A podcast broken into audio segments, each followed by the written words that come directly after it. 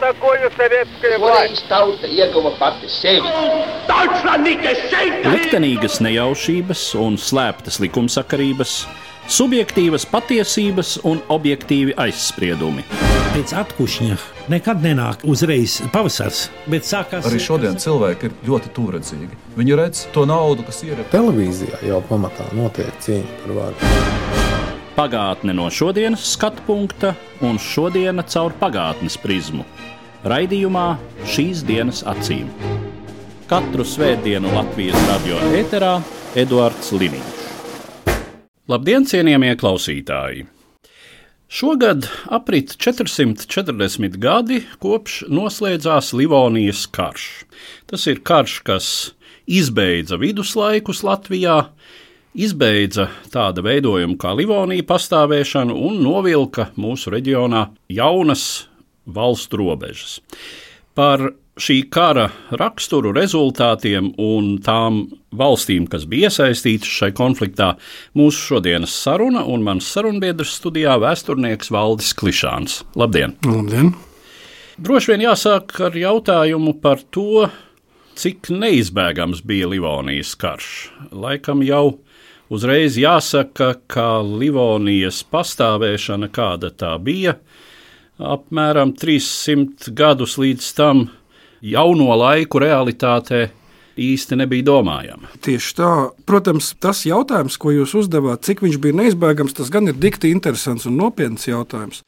Livonija bija radusies 13. gadsimtā. Tā visa politiskā struktūra bija atbilstoša 13. gadsimta krusta karu un Romas katoļu baznīcas interesēm. Šīs bija baznīcas valstis pēc būtības. Tās ir biskupijas, un tā ir vācu jeb teitoņa ordeņa valsts, kas ir lielākā.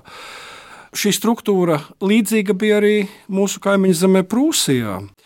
Prūsija atradās arī vācu ordeņa valdījumā, un tā bija savam laikam supermoderna viduslaiku valsts, par ko varētu varbūt kādā citā reizē runāt, bet šobrīd tik teikšu ar absolūti attīstītu satiksmes infrastruktūru un ar dīķu un dzirnavu sistēmām un sarkano ķieģeļu cepļiem un tā tālāk. Un tā tālāk. Nu, to jau vēl var manīt, pabraukājot šobrīd pa pašreizējās polijas ziemeļaustrumu daļu, vecajām ordeņa zemēm, tās pilis, kas tur slēdzas, te jau katra kalna galā. Livonijā, protams, daudz no tā, kas bija Prūsijā, nebija, bet tā uzbūve bija ļoti līdzīga. Un varbūt, ka jau kaut kādā ziņā tas vēl varētu ilgāk bijis eksistēt, bet man liekas, ka ļoti spēcīgu triecienu Livonijai, visai šai daudzo baznīcas valstiņu sistēmai pielika reformācija un luterisms. Jo, ja Livonijas iedzīvotāju lielākā daļa pārgāja luterismā, tad Lutāņi neatzina šīs katoļu valstiņas. Patiesībā sanāca absurda situācija, ka ticības ziņā un pasaules uzskata ziņā lielākā daļa Livonijas iedzīvotāju jau nejūtās piederīgi šīm valstiņām. Un tikai viens varbūt klausītājiem fakts. Lai saprastu, cik tā sistēma bija sevi pārdzīvojusi 16. gadsimtā un novecojusi, Piemēram, jautājums, cik bija vācu ordeņu brāļu? Vācu ordeņu valsts bija Livonijā pati lielākā, tātad viņa aptvēra vienu daļu kurzemes, visu zemgali, daļu vidzemes, pusi Igaunijas, praktiski puse mūsdienu Latgales. Tātad tā ir lielākā tolaik Livonijas valsts. Cik viņā bija ordeņbrāļi, jo tieši ordeņbrāļi bija šīs valsts mugurkauls. Vēsturnieki domā, ka viņi bija tikai simts. Tātad pa visu Livoniju vairs bija palikuši simts ordeņbrāļi, un tie arī paši bija kaut kādi Don Quixote vai laimes meklētāji, kas bija ieradušies šeit no Vācijas. Un tam visam vairs nebija nekāda pamata. Bet atgriežoties pie jūsu jautājuma, vai šīs Livonijas sabrukums bija tieši šādā veidā neizbēgams, tas patiesībā ir jautājums, vai Krievijas, Maskavijas būtu jāsaka pareizi, ja jau Krievijas jau nav. Vai Maskavijas lielkņaza Ivana Bargā Jāņa briesmīgā uzbrukums Livonijai bija balstīts kaut kādos ļoti loģiskos aprēķinos. Un laikam jāsaka, ka nē, un es piesaukšu tikai vienu faktu. Krievu armija, kad viņa 1558. gadā uzbruka Livonijai, viņa laupīt sāka jau nenonākusi līdz Livonijas robežai. Viņa jau laupīja, ejot cauri Krievijai.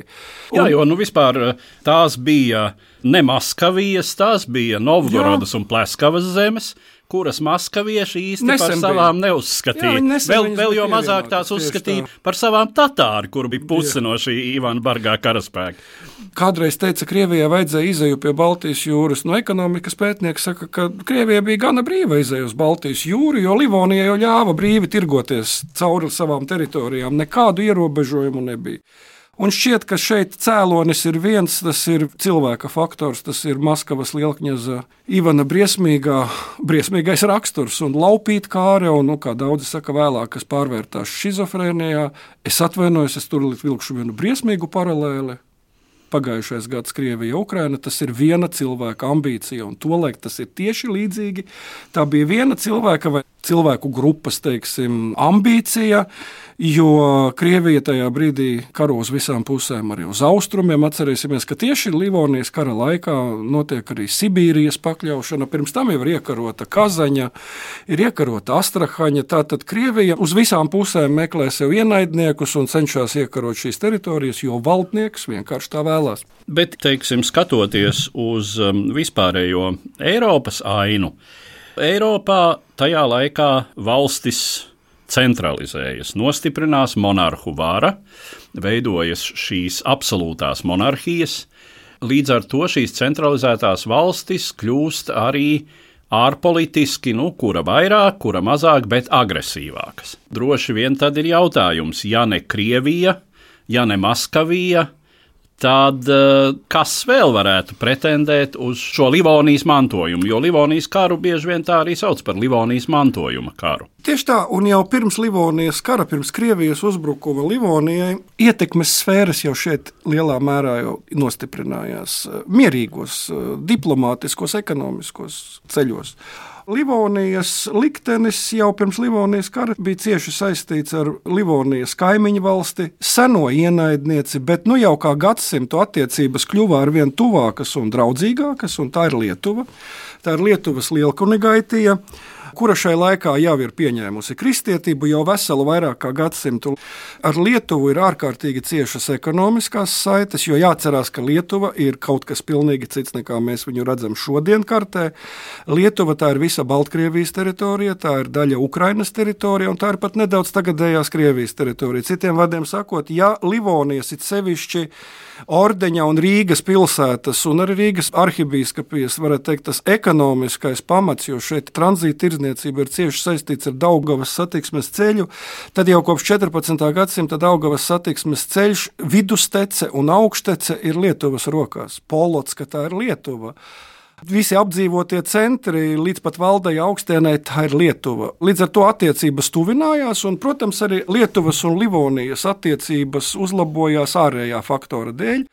Te jāatcerās Ivana Bargā vecais tēvs Ivans III jau sīvi karoja gan ar livoniešiem, gan ar lietuviešiem, un tā bija tāda nepieciešamība tuvināties. Un tā tad droši vien, ka visticamākais, ka pat ja šis Livonijas karš nebūtu sācies šādā formā ar Krieviju, tad kaut kādā veidā Livonija integrētos saistībā ar Lietuvu un Poliju. Un mums ir viens lielisks piemērs. Tā ir Vācu ordeņa valsts Prūsijā, kas praktiski jau 15. gadsimtā bija nonākusi Lietuvas, Polijas kontrolē. Tā ir spekulācija, ko es tagad saku klausītāji, lai atvaino mani, bet mums bija liela tendence iekļauties nākamajā Žečpospoļītā. Runājot par šo Lietuvas polijas kopvalsti, droši vien tam arī ir vērts pieskarties uz kādiem pamatiem, kādā veidā šī valsts izveidojas no šīm divām daļām, kas arī viduslaikos nav vienmēr bijušas īpaši draudzīgas. Polijas karaļi, būdami jau tajā brīdī kristīgi katoļi, ir mēģinājuši piedalīties krustakaros pret lietuviešiem. Lietuva ilgi paliek vismaz savā baltiskajā elitē pagāniska, un lietuviešu zemes paliek pagāniskas, lai gan, kā zināms, tā Baltkrievijas, tagadējās Ukrainas daļa, kas jau 14. gadsimtā nonāk Lietuvas sastāvā, tā, protams, viss ir pareizticīga. Tātad šīs divas kaimiņu valstis, kā tās tuvinās tik tālu, ka izveido šo kopvalsti. Es gribētu teikt, ka Lietuvas, Polijas kopvalsts, vai kā mēs viņu saucam, Žečpospoļita, tā ir absolūti unikāla politiska struktūra jauno laiku vēstures periodā. Bet, ja mēs runājam par to, kāpēc nonāca līdz šim fenomenam, tad, protams, tik tiešām sākumi mums ir meklējami jau 14. gadsimtā, bet atslēgas brīdis ir 14. gadsimta beigas, jo tieši Polija bija tā valsts, Polijas karaliste, kura kristīja Lietuvu. Un šīs pirmās dinastiskās laulības, kas tika noslēgtas starp nepilngadīgo polijas karalieni, daļai Ungāru cilmes Jadvigu un Lietuvas lielkunēgaiti Jagaili, kurš laulājoties arī pirms tam pieņem kristīgo ticību, pieņem katolicismu, kļūst par Vladislavu II tur ir likti paši pamati, kā politiskās elites tuvojās. Un 15. gadsimts rāda, ka, piemēram, ja Lietuva līdz 15. gadsimtam lielā mērā jau bija pieņēmusi kaut kur šo senkrievu kultūru, nu, kaut vai rakstība bija tas dialekts, ko Baltkrievi saka, tas ir viņu vecais dialekts. Tātad visa lietvedība notika baltkrieviski. Starp citu, ļoti interesants fakts, kas parāda tā laika kaut kādu divkosību. Šie daudzie Lietuvas valdnieki līdz Jagēlim, kas Lietuvā bija pagāni, tad, kad viņi ieradās Baltkrievijas teritorijā, viņi uzreiz bija kristieši. Tātad viņi tādu teātri bieži vien spēlēja. Bet 15. Eh, gadsimtā šo senkrievu vai baltkrievu vektoru nomaina pamazām neuzmācīga tāda polonizācija. Un notiek eh, lietuviešu lietuviešu aristokrātu, lietuviešu bajāru dzimtu saradošanās ar poļiem. Klausītājiem iesaku paņemt veco lielisko, protams, nacionālu romantisko Henrika Senkēviča krustnešu grāmatu, romānu, kur, protams, tas ir varbūt ne ļoti autentiski, bet tur tās tendences jau ir diezgan precīzi parādītas. Kā notiek šī lietuviešu un poļu tuvināšanās arī pret ordeni. Un, protams, vēlāk, 15. gadsimta gaitā, Jagelonu lietuviešu cilmes dinastija valda Polijā kā polijas karaļi. Ļoti bieži vieni un tie paši cilvēki ir Polijā, viņš ir polijas karalis, Lietuvā viņš ir Lietuvas lielkunigaitis. Un tuvināšanās notika, bet jums arī pilnīgi taisnība. Paralēli bija arī ļoti daudz konfliktu. Piemēram, Ukrainā bija par zemju sadalījumu, arī dēļ Prūsijas bija kaut kādi konflikti. Bet noveda pie apvienošanās, tātad 1559. Ljubljanas unija. Pie apvienošanās noveda ārējais faktors. Tajā laikā Polija bija nonākusi grūtībās dienvidos karos ar turkiem, savukārt Lietuva bija nonākusi lielās problēmās attiecībās ar Maskavu. Un tad sākās šis garais Ljubljanas kopīgais seims, šī sapulce, kur nemitīgi notika konflikti. Poļi gribēja būtībā inkorporēt Lietuvu Polijā. Lietuvieši, protams, uzstāja uz autonomiju lielāku. Poļi tad atņēma lietuviešiem Ukrainas zemes, bet beigās tika panākts kaut kāds kompromiss un radās šis absolūti unikālais veidojums, Žečpospoļita, kas pēc būtības, un jūs pareizi teicāt, ka tas laiks ir, kad Eiropā notiek centralizācijas procesi.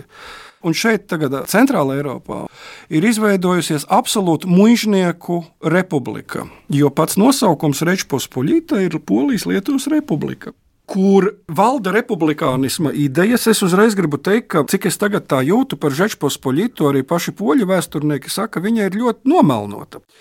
Jo bieži vien mēs uz šo Polijas-Lietuvas valsti skatāmies 18. gadsimta apgaismotāju un nacionālo revolucionāru caur viņu prizmu.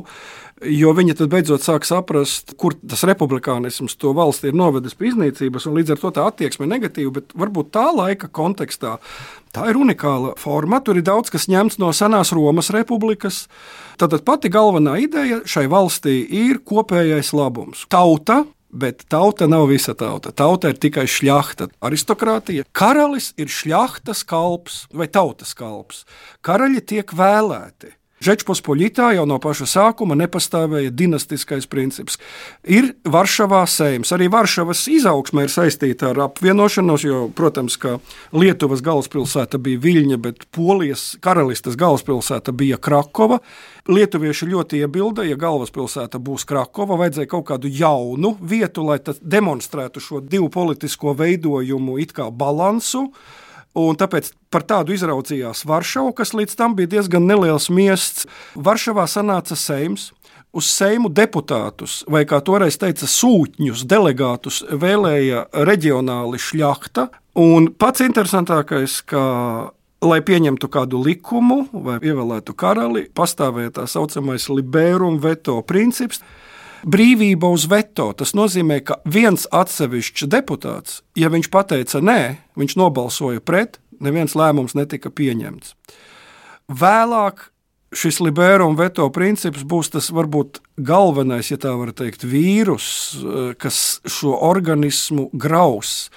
Jo tad, kad kaimiņu lielvalstis sāks iejaukties, uzpirkt šos šļaktiķus, šos delegātus, tas viss nospēlēs ļoti negatīvu lomu, bet tā visa ideoloģija bija tāda. Par katru cenu, lai nav centralizēta valsts, jo visvairāk poļi un lietuvieši baidījās no tā valsts modeļa, ko viņi redzēja Zviedrijā, ko viņi redzēja Francijā, kaut kur citur, kur šīs centralizētās, jau absolūtās monarhijas sāk veidoties tad, lai saglabātu šo bruņinieku, šī šļaktiča brīvības, tiesības, tā bija svēta lieta. Un visinteresantākais ir, kāds bija augstākais soda mērs Žečpospoļitā. Izdzīšana no valsts. Un vieglāks soda mērs bija nāves sods. Tātad tas rāda to mentalitāti, tā laika šļaktiča. Nu, nāves sotis atvainojuši, nu, čiks un viss, un tevis nav, bet dzīvot tagad pie kaut kāda absolūtā karaļa, kur tu esi zaudējis visas savas privilēģijas, savas tiesības. Tas poļu lietuviešu šļaktai šķita diezgan, diezgan šaušalīgi.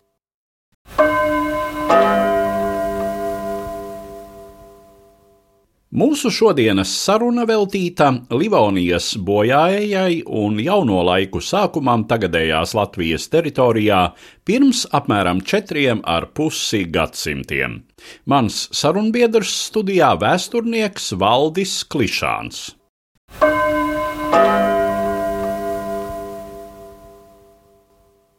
Ko es vēl gribu uzsvērt, šī valsts arī neraksturīgi tā laika Eiropai, bija reliģiski toleranta.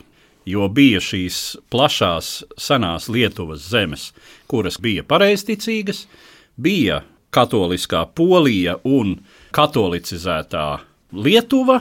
Tā bija viena no teritorijām, kurā toleranti izturējās pret ebrejiem un ļāva viņiem tur apmesties, tad, kad viņus izraidīja no daudzām tā laika Rietumē Eiropas valstīm. Un kā tāda margināla nomale, tur nonāk arī vecās Livonijas zemes, kas tajā brīdī jau ir protestantiskas. Te ir jautājums par to polijas lomu eh, Latvijas vēsturē, kuru mēs saistām ar kontrreformāciju. Kā zināms, Kurzemes hercogvalsts, kas ir Polijas-Lietuvas vasaļvalsts, saglabā ticības neatkarību un uh, paliek protestantiska. Protestantiskas paliek arī vecās kurzemes pīskapa zemes, kas neietilpst sākotnēji hercogu valstī, bet ir tiešā polijas kroņa pakļautībā. Tur nenotiek rekatolizācija kaut kāda agresīva. Tad Latgala ir tā daļa. Tur gan ir jautājums, cik vispār par tām uh, 16. gadsimta jukām tur kaut kāda ticība vispār tika kārtota. Tad tur, sākot ar 17. gadsimtu, pamazām atkal nostiprinās katoļu ticību. Es pat drusku jūs vēl papildinātu par šo reliģisko daudzveidību Žečpospoļitā. Jautājums jau nav tikai par katoļiem vai protestantiem. Vēl jau ir arī uniāti vēlāk. Tātad Rietumukraina, kas ir pavisam nu, tāds reliģisks fenomens, tas bija mēģinājums atrast kompromisu starp grieķu vai ortodoksālo baznīcu un Romas katoļu baznīcu, kur eh, šie pirmie mēģinājumi jau 15. gadsimtā, tā saucamā Florences unija, kad bija mēģinājums atgriezt baznīcas vienotību, un tad tieši rietumu Ukraina, kur sadūrās no vienas puses bijušās Krievzemes zemes pareizticīgās, bet turpat bija līdzās Polija, Ungārija, katoliska, īpaši Galīcija, Gaļičina, Voliņa šajās teritorijās veidojas uniātu baznīca ir musulmaniskas, pat nelielas saliņas Tatāru zemēm, un protestantiskas ir zemes ne tikai Livonija, bet arī bijušās Prūsijas daļas, kas tagad ietilpa Žečpospoļitā, un neaizmirsīsim vecticībniekus. 17. gadsimts, kad eh, Krievijā notiek reliģiskā šķelšanās, tie, kas seko oficiālajai baznīcai, un tie, kas turās pie vecajiem, senajiem kultiem, kas patiesībā tiek vajāti un mūk uz visām pusēm no centrālās Krievijas. Protams, visvairāk mūk uz Sibīriju, bet mūk taču arī uz Žečpospoļitu, un tā viņi nonāk līdz Latgalē. Tā tad pilnīga taisnība. Šī valsts bija reliģiski daudzveidīga, un viņu nevaram salīdzināt nezinu, ar katolisko Spāniju vai katolisko Franciju tajā laikā. Un es aizmirsu vēl vienu spilgtu momentu - kalvinisms. Taču Lietuvā Radzevilu jeb Radvilu dzimta pieņēma kalvinismu. Kalvinisms 16. gadsimta vidū praktiski bija pārņēmis Lietuvu. Es varu nokļūdīties faktoloģiski sīkāk, bet, manuprāt, Radvilu dzimtas atvases vēl ilgi paliek kalviniskas, gan vienīgās. Tātad šī valsts pirmkārt nav centralizēta. Tādas centrālas karaļa politikas nav. Nu, baznīcas politika ir, jā, bet es īsti nejūtu tādu polijas baznīcas politiku. Tā baznīcas politika nāk no Romas. Kaut vai, ja mēs paņemam slaveno Antoniju Posevīnu, jeb Posevīno, kurš ir centrālā vispār figūra Livonijas kara beigās, viņš jau nāk no Romas, viņš nav polijas cilvēks.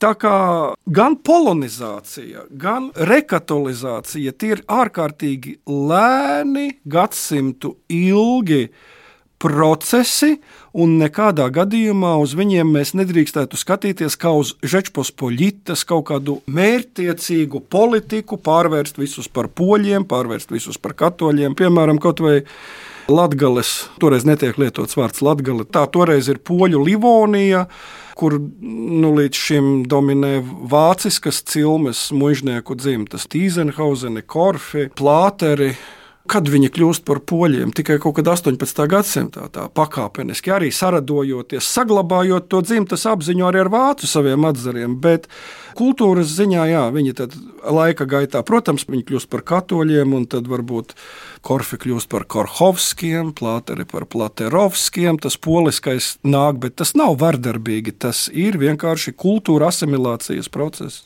Šodien mēs nerunājam īpaši par Livonijas kara raksturu par pašu kara darbību, bet vairāk par šī kara rezultātiem. Kā zināms, Krievijas šī avantūra beidzas pašai tā laika Krievijai ļoti bēdīgi. Sagrautu ekonomiku, cilvēku resursu zaudējumiem, ar militāru sakāvi no vairākām pusēm nākas slēgt neizdevīgus miera līgumus gan ar Poliju, Lietuvu, atsakoties pilnībā no Livonijas zemēm, gan ar Zviedriju, atvelkoties no Baltijas jūras. No dienvidiem Krimas tatāri ir postījuši un dedzinājuši Krieviju visu šo laiku, un vienreiz pat eh, šī kara gaitā nodedzinājuši Maskavu. Krievijā pēc Ivāna Bargā nāves cita starpā sākas arī tas, ko sauc par juku laikiem. Un ir Jurikoviču dinastijas gals. Jā, arī, jā. jā, arī ir Jurikoviču dinastijas gals, bet um, par uh, toreizējām latviešu zemēm pirmkārt. Kā šis karš beidzas šīm teritorijām, un, ja mēs tā iezīmējam to, ko tas nozīmēja pirmkārt jau latviešu senčiem. Nu, šī jautājuma otrā daļa ir dikti grūti laikam atbildama, bet uh, varbūt skaidrāka bilde ir administratīvās izmaiņas un teritoriālo struktūru izmaiņas. Tātad Livonijas kara laikā, jau pašā kara pirmā posmā, kad brūk viena pēc otras šīs Livonijas valstiņas, tātad pirmā iet bojā Tērbatas bīskapija, ko ieņem Krievi. Kurzemes biskupija, ja tā var teikt, pārdodas Dāņiem, Ziemeļgaunijā, Zviedriem. Tad katrs to brīdi glābās, kur var. Bet Livonijas lielākā daļa, Livonijas politiskā elite lūdza Lietuvas palīdzību, kas izvērtās kā Lietuvas polijas vēsturiski, protams, kopīgās valsts palīdzība. Un notiek tāda vēsturisku lēmumu pieņemšana. Tātad no tām ordeņa zemēm, kas ir Daugavas kreisajā krastā, top veidojums, ko mēs visi zinām, latvieši, un lepojamies, kā arī es teiktu, ļoti pamatot ir ar savu valstiskumu vēsturisko. Top kurzemes un zemgales hercogiste. Un zīmīgi, kā arī pēdējais ordeņa meistars, Gotthards Ketlers. Atcerēsimies, ka ordeņa meistri bija katoļi un mūki. Tad viņiem bija visi šie četri mūku zvērsti, kur viens no būtiskākajiem bija šķīstības zvērs. Tad nekādu miesīgo prieku un sievas viņam nevar būt. Gotthards Ketlers pieņem luterismu, viņš apņem sievu un viņš rada dinastiju un rodas šī laicīgā hercogiste. Šī nav pilnīgi oriģināla ideja. Patiesībā Gotthards Ketlers nokopē tas, kas jau bija noticis 1525. gadā Prūsijā. Ir lasāms, ka Šāds modelis 1525. gadā tika piedāvāts arī toreiz Pletenbergam. Jā, Livonijas ordeņa mestram Walteram von Pletenbergam, kurš atteicās, kādi bija motīvi. Nu, Iespējams, tas, ka viņš, viņš bija vienkārši... vecs. Tā teorija, manuprāt, nāk no slavenā vēsturnieka Teodora Zeida. Ka viena no versijām, ka Pleteners bija vecs, un viņš saprata, pirmkārt, viņš nevarēs vairs apprecēties, viņš nevarēs radīt bērnus, un viņš nevarēs to dinastiju radīt. Bet Gotthards Hitlers izmantoja šo iespēju. Tā tad radās Kurzemes un Zemgales hercogiste kā laicīga valsts, arī sava veida republika, ja varētu tā teikt, jo visus jau svarīgākos jautājumus izšķir Vācu mužnieku Lantāgā. Un otra daļa, Daugavas labā krasta daļā, rodas sākotnēji tas, ko sauc par pārdaugavas hercogisti, kas patiesībā skaitās kā Lietuvas daļa. Tā nav tikai mūsdienu vidzeme un mūsdienu latgala, bet pārdaugavas hercogistē sākotnēji ir arī Dienvidigaunija. Un Rīga, protams, visam centrā ir Rīga, kas Livonijas kara laikā kļuva neatkarīga, jo viņai zuda viņu seniori. Viņu seniori bija ordenis līdz tam, un atsevišķos periodos arī Rīgas arhibīskaps. Tagad šīs varas tādas vairs nav. Rīga kļuva neatkarīga. Bet eh, Livonijas kara beigu posmā Rīga tomēr nolēma brīvprātīgi padoties Zečpospoļītas karalim. Tad šis interesantais fakts. Pirmais karalis Rīgas vēsturē, kas ir šķērsojis Rīgas robežu, ir Stefans Batorijs, kurš svinīgi ir tie visi apraksti zināmi. Stefana Batorija ienākšana Rīgā. Ilgtspējīgs veidojums bija Kurzemes un Zemgales hercogiste, kas tā jeb savādāk pastāvēja līdz 1795. gadam. Chronoloģiski vēl ilgstošāks par dažiem mēnešiem bija Piltenes novads, ja bijusī Kurzemes biskupija, kas ir pēdējā teritorija vispār Latvijas nodaļas, kas tiek iekļauta Krievijas impērijā vēlāk. Bet šī pārdaugos hercogiste šādā izskatā bija absolūti īstermiņa projekts, jo pēc Livonijas kara miera periods jau bija nepilni 17 gadi kad 1600. gadā sākās jauns, jau cita rakstura militārs konflikts starp Poliju no Lietuvas no vienas puses un Zviedrijas karalisti no otras puses. Tā saucamie poļu laiki vidzemē beidzās. Tātad Altmarkas pamieris jau iezīmē atkal jaunas robežas, bet poļu laiki turpinās teritorijā, ko tolaik sauca par Inflantiju. Šodien mēs to saucam par Latviju, un tur šie poļu laiki turpinājās līdz 1772. gadam. Un šo poļu laiku Latvijā, tad es domāju, tas lielākais iespējas rezultāts ir tomēr pakāpeniska Latvijas rekatalizācija. Es vēlreiz saku, nevardarbīga, pakāpeniska. Rodas tas, ko mēs šodien dēvējam, nu, tā ir tāda latgales atšķirība no vidzemes un kurzemes. Lai gan latgale mums ir jāuztver kā organiska Latvijas daļa, un teikt, ka latgaliešiem ir īpatnības, nav sevišķi korekti, ja, jo no latgales puses vidzemniekiem ir īpatnības.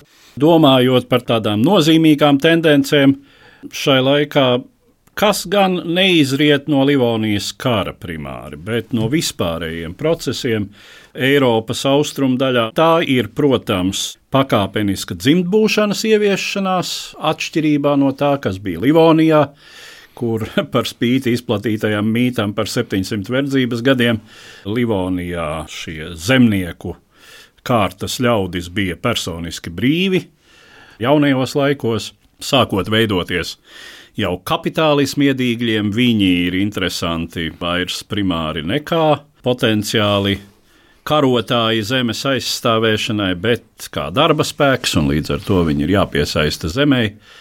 Otra tendence šīm jaunajām varām ir sava ja mēs tā varam teikt, kultūra izglītības politika, kas, protams, tajā laikā saistās primāri ar reliģisko momentu. Tas ir atbalsts latviešu rakstu valodas attīstībai, atbalsts drukātajam vārdam, kur, protams, kulminācija ir eh, glika Bībeles izdošana 17. gadsimta beigās ar Zviedrijas kroņa atbalstu, bet nemazāk aktīvi ir arī tie paši jezuīti.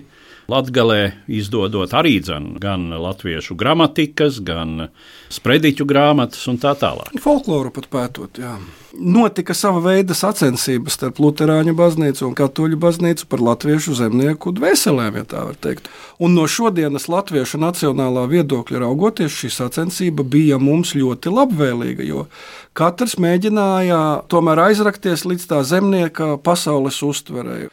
Un tieši jēzuīti Latvijā šķiet bija visveiksmīgākie, īpaši 17. gadsimtā. Tiešām viņi mācījās latviešu valodu. Daugopilī taču bija jēzuītu kolēģija, ļoti cieši ar Viļņu vēsturiski saistīta. Tātad latviešiem no nu, šodienas viedokļa raugoties, arī bija savas iespējas. Un arī šīs svešās varas, ko mēs bieži mēdzam negatīvi vērtēt, nu, tomēr arī kaut ko deva šeit. Ar to es arī noslēdzu mūsu šodienas sarunu, kas bija veltīta Livonijas galam pirms apmēram 4,5 gadsimtiem. Un tai situācijai, kāda tajā laikā veidojās šeit, pašreizējās Latvijas teritorijā. Un es saku paldies manam sarunbiedram, vēsturniekam Valdim Klišānam. Paldies jums! Katru svētdienu Latvijas radio viens par pagātni sarunājas Eduards Liniņš.